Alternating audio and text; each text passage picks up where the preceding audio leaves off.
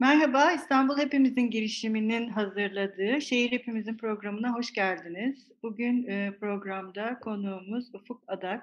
Merhaba Ufuk, hoş Merhaba, geldin. hoş bulduk, merhaba. E, Ufuk'la birlikte bu e, geç Osmanlı dönemi e, artık bir seri haline aldı. Bu seri konuşmalarımızda e, bu kez e, hapishaneleri konuşacağız 19. yüzyılda geç Osmanlı döneminde. Ben kısaca Ufuk'tan bahsedeyim size. Ufuk Altınbaş Üniversitesi'nde öğretim üyesi olarak çalışıyor. Amerika Birleşik Devletleri'nde University of Cincinnati'de tarih doktorası yaptıktan sonra Berlin'de Orta Doğu Çalışmaları Merkezi'nde doktora sonrası araştırmalarda bulundu. Araştırma alanları arasında son dönem Osmanlı İmparatorluğu'nda güvenlik, suç, ceza, hapishaneler ve şehir tarihi bulunuyor. Bugün e, bunlardan e, hapishane umumileri 19. yüzyıldaki modern hapishaneleri e, konuşacağız. E, modern hapishane nedir Ufuk? Ne zaman e, Osmanlı'ya geliyor ve modern öncesi neydi? Onunla başlayalım mı? Olur, tabii ki başlayalım. Eee, şimdi tabii hapishaneyi biz böyle modern öncesi, modern sonrası diye ayırıyoruz. Biraz bu eee, aslında baktığımız zaman Osmanlı kaynaklarının kendi diline e, indiğimiz zaman oradaki de bir ayrım var. Çok detaylı bir ayrım var. Bu ayrım mahbes ve hapishane arasındaki ayrım.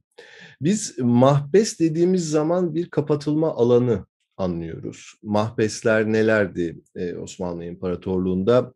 Eski kalelerdi şüphesiz. E, Baba Cafer Zindanı gibi, e, Yedikule gibi e, kalelerin kullanıldığını e, biliyoruz mahbes olarak. Kışlaların, askeri kışlaların kullanıldığını biliyoruz. Tersaneler, örneğin tersaneyi amire uzun bir süre e, hapishane olarak, mahbes olarak kullanılmıştı. E, hanlar, İzmir'deki örneğin işte Cezayir Hanı ve bunun gibi ticari hanların belirli bölümlerinin e, mahbes olarak kullanıldığını, kapatılma alanları olarak kullanıldığını biliyoruz ve aynı zamanda e, e, ayan konaklarının mahzenleri e, bu dönemlerde, klasik dönemde ağırlıklı olmak üzere e, mahbes olarak kullanılıyordu. Şimdi e, yani hapis cezasına Osmanlı hukukunda klasik dönem Osmanlı ceza hukukunu e, ele alacak olursak e, Ebu Suud'un işte meşhur fetvaları var. E, tövbe ve salahi e, zahir oluncaya kadar. Yani bu şu anlama geliyor. Siz belirli bir suçtan dolayı cezalandırılıyorsunuz, bir e, yere kapatılıyorsunuz ve ne zaman bu kapatıldığınız yerden çıkacağınız e, pek belli değil. Biraz epeyce meçhul. meçhul.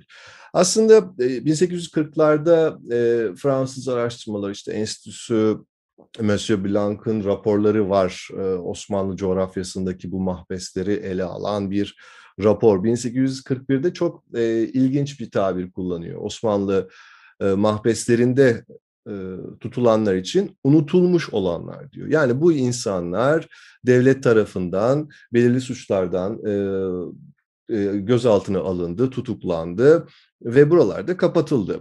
Bu mahbes bir dediğim gibi bir kapatılma alanını aslında e, kadim dünyada kapatılma alanını bize anlatıyor. Ancak hapishane dediğimiz zaman biz e, modern bir mimari anlıyoruz. Yani spesifik olarak e, cezanın infazının gerçekleştirileceği, bir fiziksel mekanı ve bu mekan içerisindeki planlamayı, düzenlemeyi anlıyoruz. Ama aynı zamanda bunun idari işleyişi var, kendine has, aynı zamanda personeli var. Mahbesle hapishane ayrımı tam olarak buraya değiyor. Tabii şimdi bunu anlamak için şüphesiz yine tanzimata bakmak gerekiyor. Tanzimat ve sonrası ee, yani işte kanunsuz suç ve işte ceza olmaz ilkesi ve artık bu kapatılan kişilerin e, ıslahı nefs olup olamayacağı tartışmaları. Biz bunu ceza hukuku tarihine baktığımız zaman 1840'larda işte yeni ceza kanunlarının çıkarılması Osmanlı İmparatorluğu'nda sonra 1851'de Kanunu Cedid ve 1858'de Ceza Kanunname-i Hümayun'un çıkarılması oldukça önemli kırılma noktaları e, modern hapishaneye geçiş için.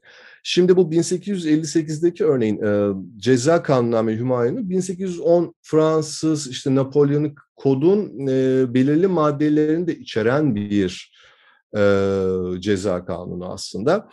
Ahmet Cevdet Paşa var işte komisyonda ve burada artık farklı klasifikasyonlara gidiliyor.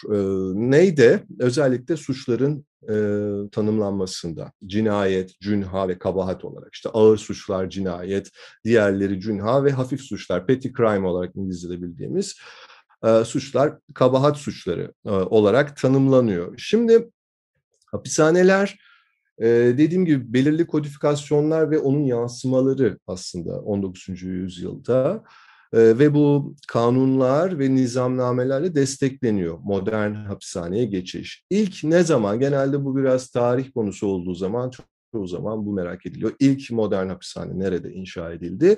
Hafif tar tartışmalı bir konu olsa da çünkü Yanya'da, e, Taşra'da bir hapishane inşa ediliyor ama 1871'de biz İstanbul'da hapishaneyi umuminin inşa edildiğini biliyoruz. Bu e, bizim anladığımız tırnak içerisinde modern hapishanenin tam tarifi aslında.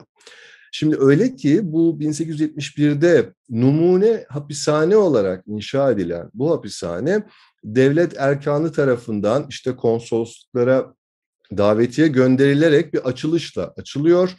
Ee, bunun tabii çeşitli sebepleri var. Birazdan belki detaylarına gireriz. Ee, ve aynı zamanda üç gün boyunca halka da açık. Yani bakın ne kadar modern bir e, hapishane inşa ettik. Çünkü bu önemli bir kriterdi. E, 19. yüzyılda çok sayıda yazılmış e, rapor var.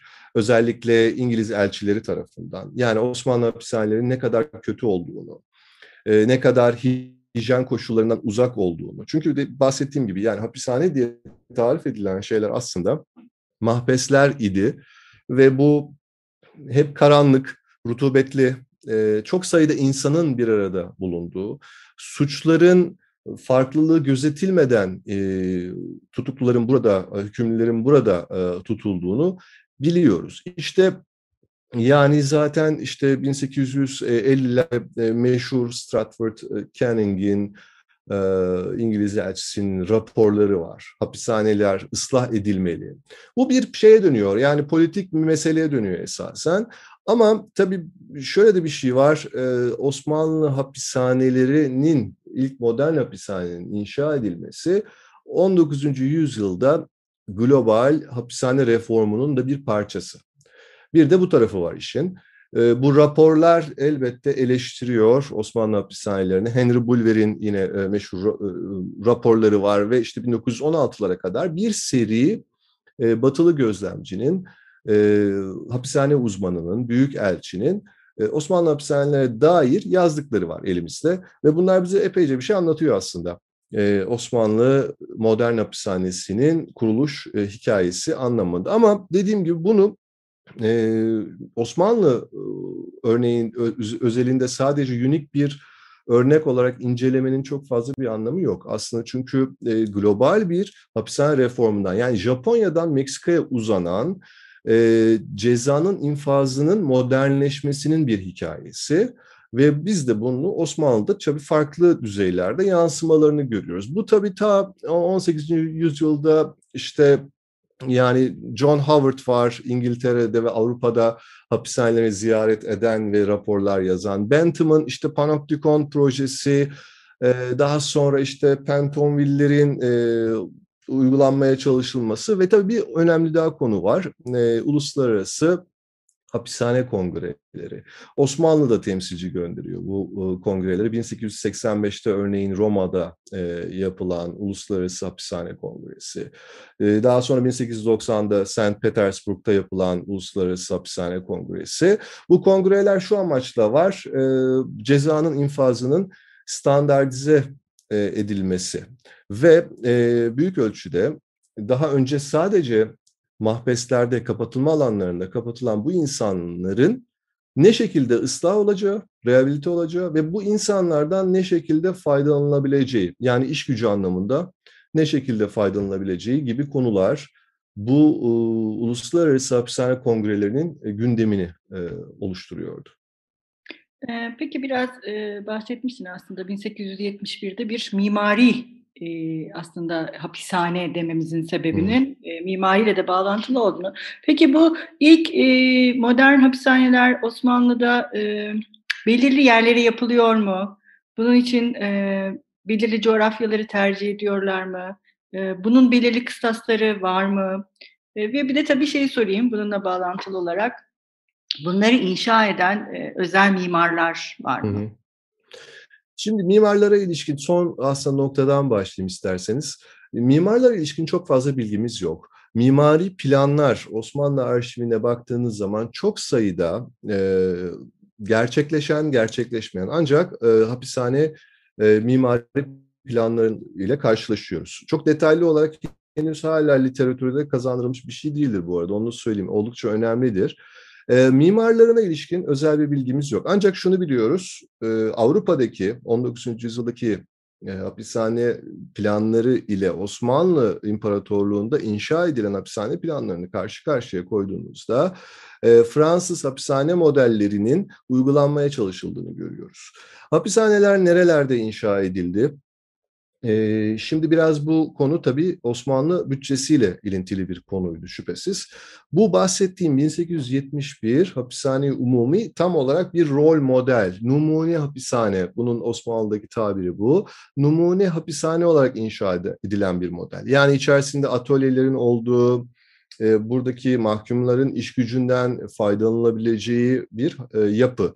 Ancak bu örnek hapishaneyi bu büyüklükte, bu kapasite bir hapishaneyi imparatorluğun farklı coğrafyalarında çok da göremiyoruz esasen. Yani şunu demek istiyorum, e, mevcut binalar kullanılmaya devam ediliyor. Yani bu yine kaleler, e, işte paşa konakları, hükümet konağının belirli bölümü hapishane olarak örneğin kullanılıyor birçok yerde. Ancak büyük şehirlerde işte İstanbul, İzmir, Selanik, Beyrut gibi e, nüfusun yoğun olduğu, e, suç oranlarının da aynı zamanda yoğun olduğu coğrafyalarda hapishane inşaatları devam ediyor. Şimdi mahbesten hapishaneye geçişle hapishanenin ıslah edilmesi ve inşaat faaliyetleri e, neredeyse eş zamanlı bir süreç. 19. yüzyılın ikinci yarısına tekabül eder yaklaşık. E, ve bu zaman diliminde e, çok sayıda hapishanenin inşa edildiğini gö görüyoruz. 1871'de İstanbul'daki bu rol model inşa edildikten sonra örneğin 1873'te İzmir hapishanesini e, görüyoruz. Burada işte tam olarak biraz önce söylediğim gibi Frans Fransa'daki bu e, radyal planlı e, hapishane planlarından doğrudan doğruya örnek alınmış ve yapılmış e, bir hapishanedir. E, nerelerde inşa ediliyor? Bu çok Foucault'yen bir şey aslında baktığınız zaman bir taraftan. Çünkü e, şehirlerin, bu büyük şehirlerin tam kalbinde, çok merkezi yerlerinde inşa edildiğini görüyoruz biz bu hapishanelerin.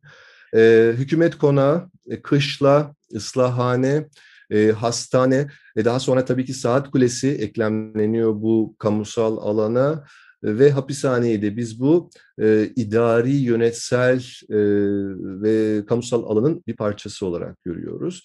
Bu tesadüfi değil, biraz pratik bir tarafı da var. Yani adliye ile hapishanenin yakın olması, yani mahkumun doğrudan doğruya sevk edilebilir olması da önem taşıyor. Ancak sembolik bir anlamı da var şüphesiz. Tabii bu e, enteresan. E, şehirler büyüdükçe, e, bu hapishaneler şehir merkezinde kalmaya devam ettikçe, örneğin 1908'de, 1910'larda Osmanlı e, gazetelerine baktığınız zaman e, artık insanların bu hapishane şehir merkezinde ne arıyor? Çocuklarımız buradan, bu sokaklardan geçerken korkuyor diye e, böyle şikayetlerini okuyabiliyorsunuz. Oldukça enteresan bir hikaye.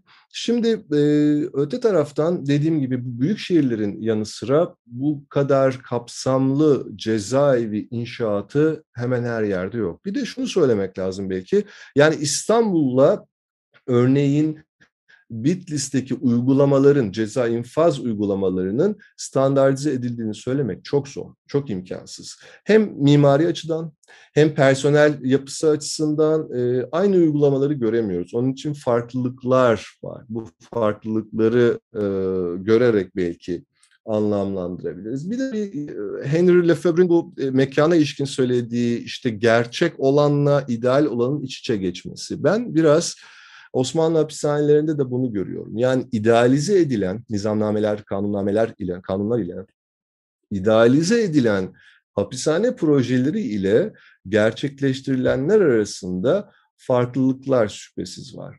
Aynı zamanda iç içe geçmişlik de var tabii ki. İdeal ve gerçek olanın iç içe geçmesi e, manasında. E, bunları söyleyebilirim e, temel olarak. Yani e, dediğim gibi şehir ve mimari oldukça önemli, çok fazla incelenmeyen alanlardan da bir tanesi hapishane tarihi e, bağlamında.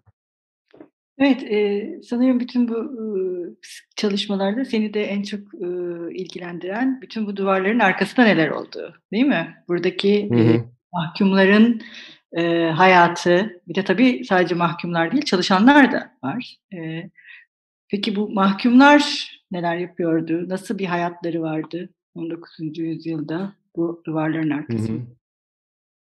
Şimdi duvarların arkası bu evet bu, eee, zaten tarih disiplini biraz zor bir disiplin malumunuz hepimizin. Eee, duvarların arkasındaki tarihi a anlamak, buradaki mahkumların seslerini duymak, eee, daha da bir zorlu bir süreç şüphesiz. Ancak arşiv kaynaklarını, eee, hakikaten detaylı okuduğumuz zaman, yani, çok çok sayıda da şeyi karşılaşabiliyoruz. Yani, duvarların arkasında nasıl bir hayat olduğunu az çok anlayabiliyoruz. Yazılan raporlardan, eee, örneğin anlayabiliyoruz. Şimdi Eee, genel olarak Osmanlı hapishaneleri 19. yüzyılda temel problemlerinden bir tanesi tabii ki kalabalık olması. Yani örneğin bir hapishane 800 kişi için inşa ediliyorsa bu asla 800 kişi olarak kalmıyor. Mutlaka 1200, 1300, 1500 hatta 2000 kişiye varan rakamlara ulaşıyor. Bu kalabalık, ııı, nüfus, mahkum nüfusu Eee, tabii ki eee, hastalıklara sebep oluyor. Bu hijyen koşullarının az olması, eee, mahkumların hastalanmasına hatta ölmesine, eee, neden oluyor. Osmanlı hapishanelerinde bu ciddi bir sorun. Tabii diğer bir sorun devlet tarafından bakacak olursak bu kadar mahkumun ne şekilde barındırılacağı, iaşelerinin nasıl sağlanacağı.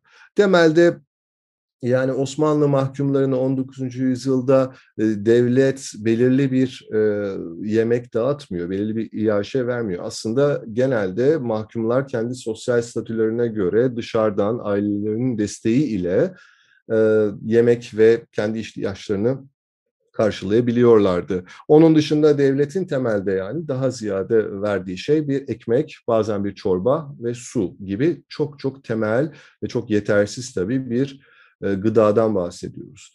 Bu manada o oldukça zorlu ve biraz, emm, bu koşullardan dolayı, yine Osmanlı belgeleri, Osmanlı mahkumlarını zavallı, biçare ve bedbaht, gibi, sıfatlarla, tanımlıyor. Eee, tabii bu salgın hastalıkları önlemek için, işte, duvarların kireç taşıyla, işte, boyandığı, çeşitli sağlık önlemlerinin alınmaya çalışıldığını da, eee, biliyoruz. Tabii dediğim gibi Hapishane-i Umumi İstanbul'daki, eee, özellikle bu atölyelerin, imalathanelerin kurulmuş olması, eee, çok önemli. Burada, işte, kunduracılık, sepetçilik, ayakkabıcılık, işte, eee, belirttiğim gibi, çorap örme, işte, gibi farklı atölyelerde meslek ediniyor, ııı, mahkumlar ve çok cüzi miktarda para kazanma şansları var. Ama, eee, belirttiğim gibi bu numune hapishanede gerçekleşen bir şey. Eee, diğer Osmanlı hapishanelerinde atölyelerin kurulacağı yerler neredeyse yok ya da çok sınırlı.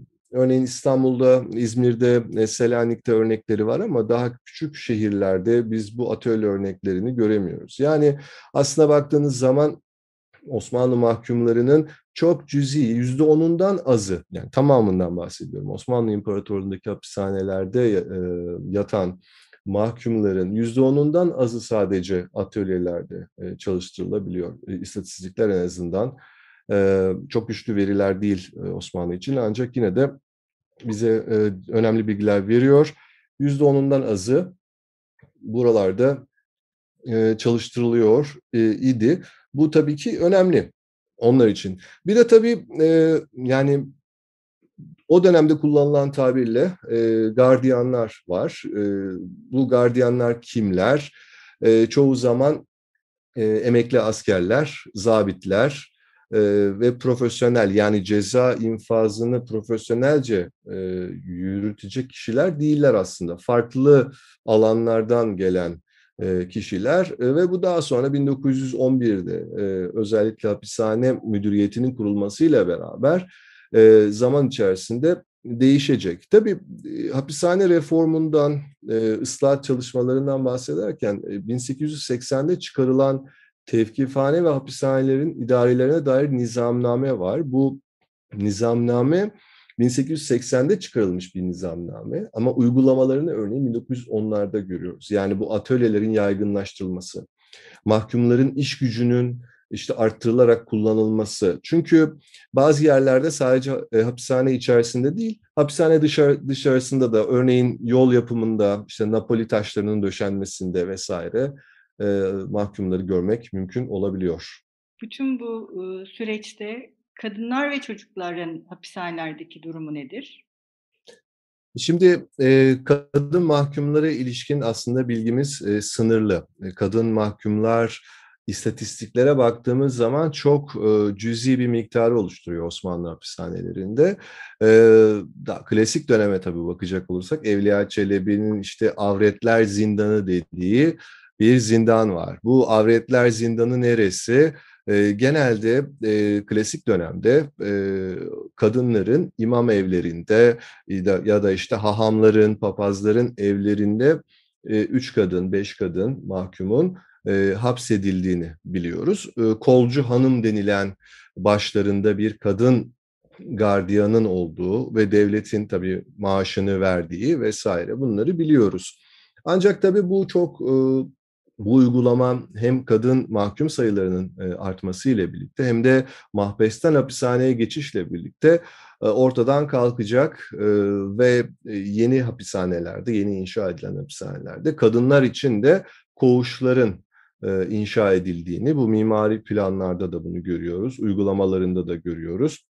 Kadınlar için ayrı koğuşların teşkil edildiğini görüyoruz. 1880'de yine biraz önce belirttiğim bu e, nizamnamede ilk kez aslında kadınlar için ayrı koğuş olması gerektiği e, detayı bu maddeler içerisinde yer alıyor. Ama dediğim gibi yani burada e, kadınların hapsedilmiş olması e, şüphesiz belirli suistimalleri yani örneğin e, bazı kadınların fuhuşa e, zorlandığı mesela belli yerlerde gibi vakalar karşımıza çıkıyor arşiv e, belgelerinde. Çocuklar e, konusu çok tabii çok e, önemli. O da çok detaylı bilmediğimiz, hala çok detaylı bilmediğimiz, hala çok az kayda sahip olduğumuz bir konu. Hapishane umumi de Şimdi 1910'larda e, özellikle Birinci Dünya Savaşı yıllarında bu meşhur polis mecmuasında yayımlanan e, hapishane fotoğrafları. Hakikaten önemli. E, hapishaneyi umumiyi içeriden anlamamıza e, sağlıyor bizim. Ve burada biz e, bu çocuk mahkumları görüyoruz ve çocuk mahkumlar bir sınıf içerisinde e, burada ve orada eğitim görüyorlar. Ve tabii orada yazan bir şey var çok e, önemli. E, mektep bir darül edeptir e, yazıyor. Bu, bu da yine biraz tabii Foucault'diyen bir şey. Bir disiplin etme yeri olarak da kullanılıyor. Yani burada ıslaha, rehabilitasyona özellikle 19. yüzyılın sonlarından 20. yüzyılın ilk 10 yıllarına baktığımız zaman buraya yapılan vurgu var. Rehabilitasyon ve ıslah etme fikri.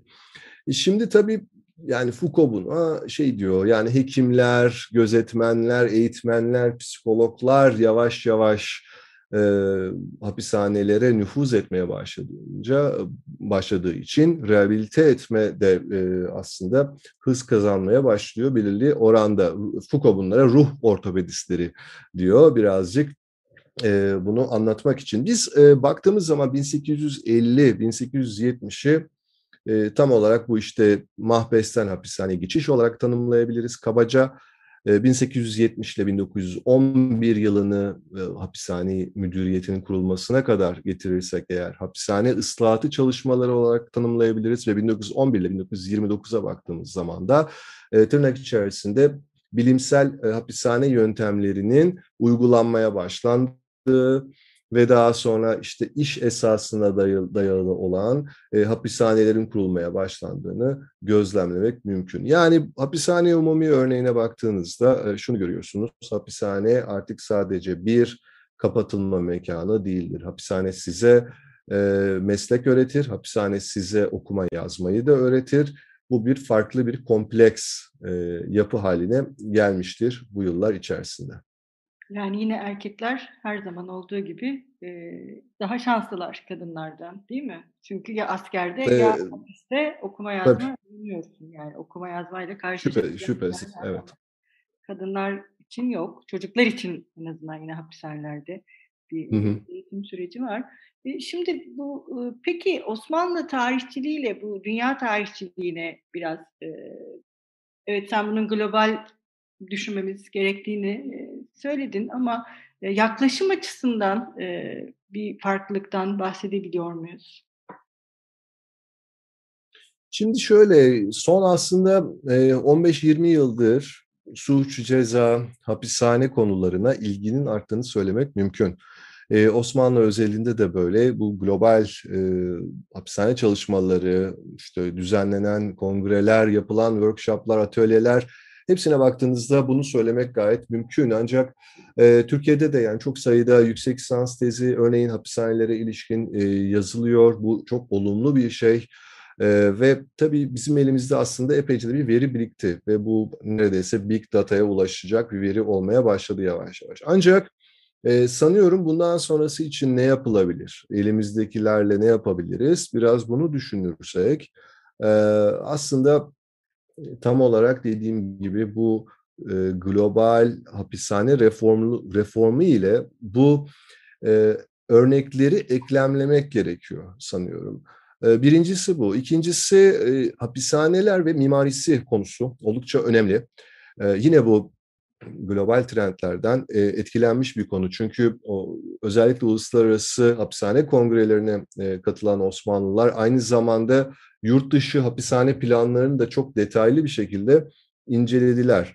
E, tabii diğer taraftan da şöyle, e, Avrupa'da ünlü hapishane mimarları kendi projelerini kabul ettirmek için Osmanlı Sultanlığı örneğin 19. yüzyıl sonunda gönderdiler planlarını. Bu planların aslında incelenmesi gerekiyor mimarlık tarihi e, bağlamında e, ve tabii ki şüphesiz biraz evvel belirttiğim gibi kentin kalbinde, birçok kentin kalbinde kurulmuş. E, hükümet konağının hemen yanında e, konumlanmış hapishanelerin şehir tarihiyle eklemlenmesi ve bunun aslında daha e, detaylı bir şekilde, çok katmanlı bir şekilde anlamlandırılması gerekiyor. Sanıyorum bundan sonra yapabileceğimiz şeyler bunlar. Tabii bir de şu var, Türkiye'de henüz hala tam olarak e, şimdi ben daha ziyade tabii sosyal tarih çalışmaya çalışıyorum uzun yıllardır ama e, kurumsal tarihinin yazılması gerekliliği hala duruyor aslında. Osmanlı hapishanelerinin e, kurumsal tarihinin yazılması gerekliliği hala bizim e, önümüzde. E, sanıyorum bunlar yapılırsa bu çalışmalar, suç, ceza, hapishane konuları e, önemli ölçüde aydınlan, aydınlanacaktır diye düşünüyorum.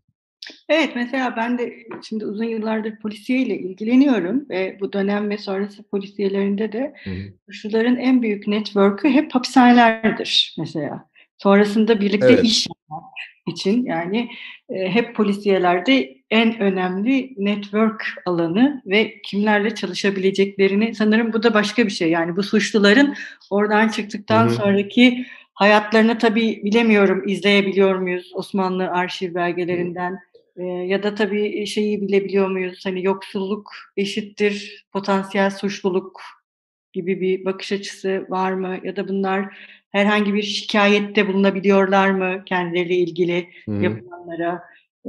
Bunlar da sanırım daha üzerinde düşünülmesi gereken. Kesin, kesinlikle öyle. Kesinlikle öyle. Biraz evet yani tam dediğiniz gibi özellikle bazı hapishaneler neredeyse suçun yüksek okulu haline geliyor. Burada bazı mahkumlar yeni başka profesyonellik kazanıyorlar. Farklı suç alanlarında bunları gözlemlemek mümkün ama tabii pek şey mümkün değil. Yani Osmanlı özelinde özellikle yani bir mahkumun hayatı sonra nasıl devam etti bunun izlerini sürmek çok kolay değil. Ancak mahkumlar tamamen edilgen bir nüfuz asla değil. Tabii ki şikayetleri var, yazdıkları şikayetler var, çektikleri telgraflar var. Ee, aynı zamanda bu duvarların arkasındaki e, bazen suçun yüksek okuluna dönen bu yapılardaki o girift gardiyanlarla olan ilişki ağlarını ortaya döken e, soruşturma raporları var elimizde ki bunlar da oldukça kıymetli sanıyorum. Evet. Peki son olarak şunu sormak istiyorum. Bu bizim yine yaptığımız seride hep benim sorduğum bir şey. Çünkü sizler yani bu seriyi konuştuğumuz diğer tarihçiler de hep böyle mikro tarihle yani gündelik hayatla ve gündelik hayatın bu büyük büyük olmayan belki gözümüze hiç çarpmayan aktörleriyle değil aslında sesleri duyulmayan aktörlerle e, ve aslında onların da birer aktör olduğunu ve onların da unutulmamasını özellikle hatırlatarak e, bir tarihçilik e, yapıyorsunuz. E, peki neden önemli bu? Yani neden bu aktörler önemli? Neden bunları çalışmalıyız? E, yani neden böyle bir tarihçilik? Evet bu aslında ta e, yani e, yüksek lisans doktora çalışmalarıma kadar, kadar geriye gidiyor bu soru. Genelde şöyle e, soruluyor. Neden bu kadar depresif bir konuyu çalışmayı tercih ettin? Neden caz tarihi değil de e, bunu çalışıyorsun? E, yani yurt dışında da yurt içinde de benzer sorular. Çünkü evet e, zorlu bir konu. E, evet depresif bir konu. E, ancak şunu unutmamak gerekiyor. Hakikaten cezaevleri, hapishaneler dış dünyanın bir mikro düzeyde yansıması ve buradaki insan toplulukları, yaşadıkları bir tarihçi olarak doğrudan doğruya bizleri e, tabii ilgilendiriyor. Ve bunu anlamak istiyoruz. Özellikle ceza hukuku, ceza pratikleri ve bu insanların bu modernleşme hikayesi içerisinde, bu hapishane reformu, ıslahatı, rehabilitasyon, çalıştırma süreçleri içerisinde nerede durdukları, nasıl bir yaşam sürdükleri doğrudan doğruya bizim ilgi alanımız haline geliyor özellikle dediğim gibi anlamlandırmak için. Ve tabii ki dediğim gibi şehir tarihleri ve bu hapishanelerin inşası yine farklı bir katmanda ele alın, alınan, alınması gereken konulardan biri. Sanıyorum bu nedenle bu konuyu çalışıyoruz, ilgileniyoruz. Yani aslında modernliğin farklı hayatlardaki yansımalarını ve bu yansımaların ya da buradaki aktörlerin kendi stratejilerini görmek açısından da son derece heyecan verici çalışmalar. E, e, evet çok teşekkür ederim. Hem öyle hem de e, mahbes hapishane gibi yani terimlerin, kavramların kendi tarihi olduğu gibi suçun da e, tarihi ve dönüşümü var. E, suçların tanımları ve bu tanımlardaki değişiklikler ve bunun yine pratikte uygulamalarda ne şekilde yankı bulduğu yine e, epeyce ilginç bir konu. Evet, e, Ufuk çok teşekkür ederiz. Ben çok teşekkür ederim. Konuşma için. Senin son olarak eklemek istediğin e, şey var mı? E, çok çok teşekkür ederim davetiniz için. Çok sağ olun. Biz çok teşekkür ediyoruz. Hoşçakalın. Görüşmek üzere.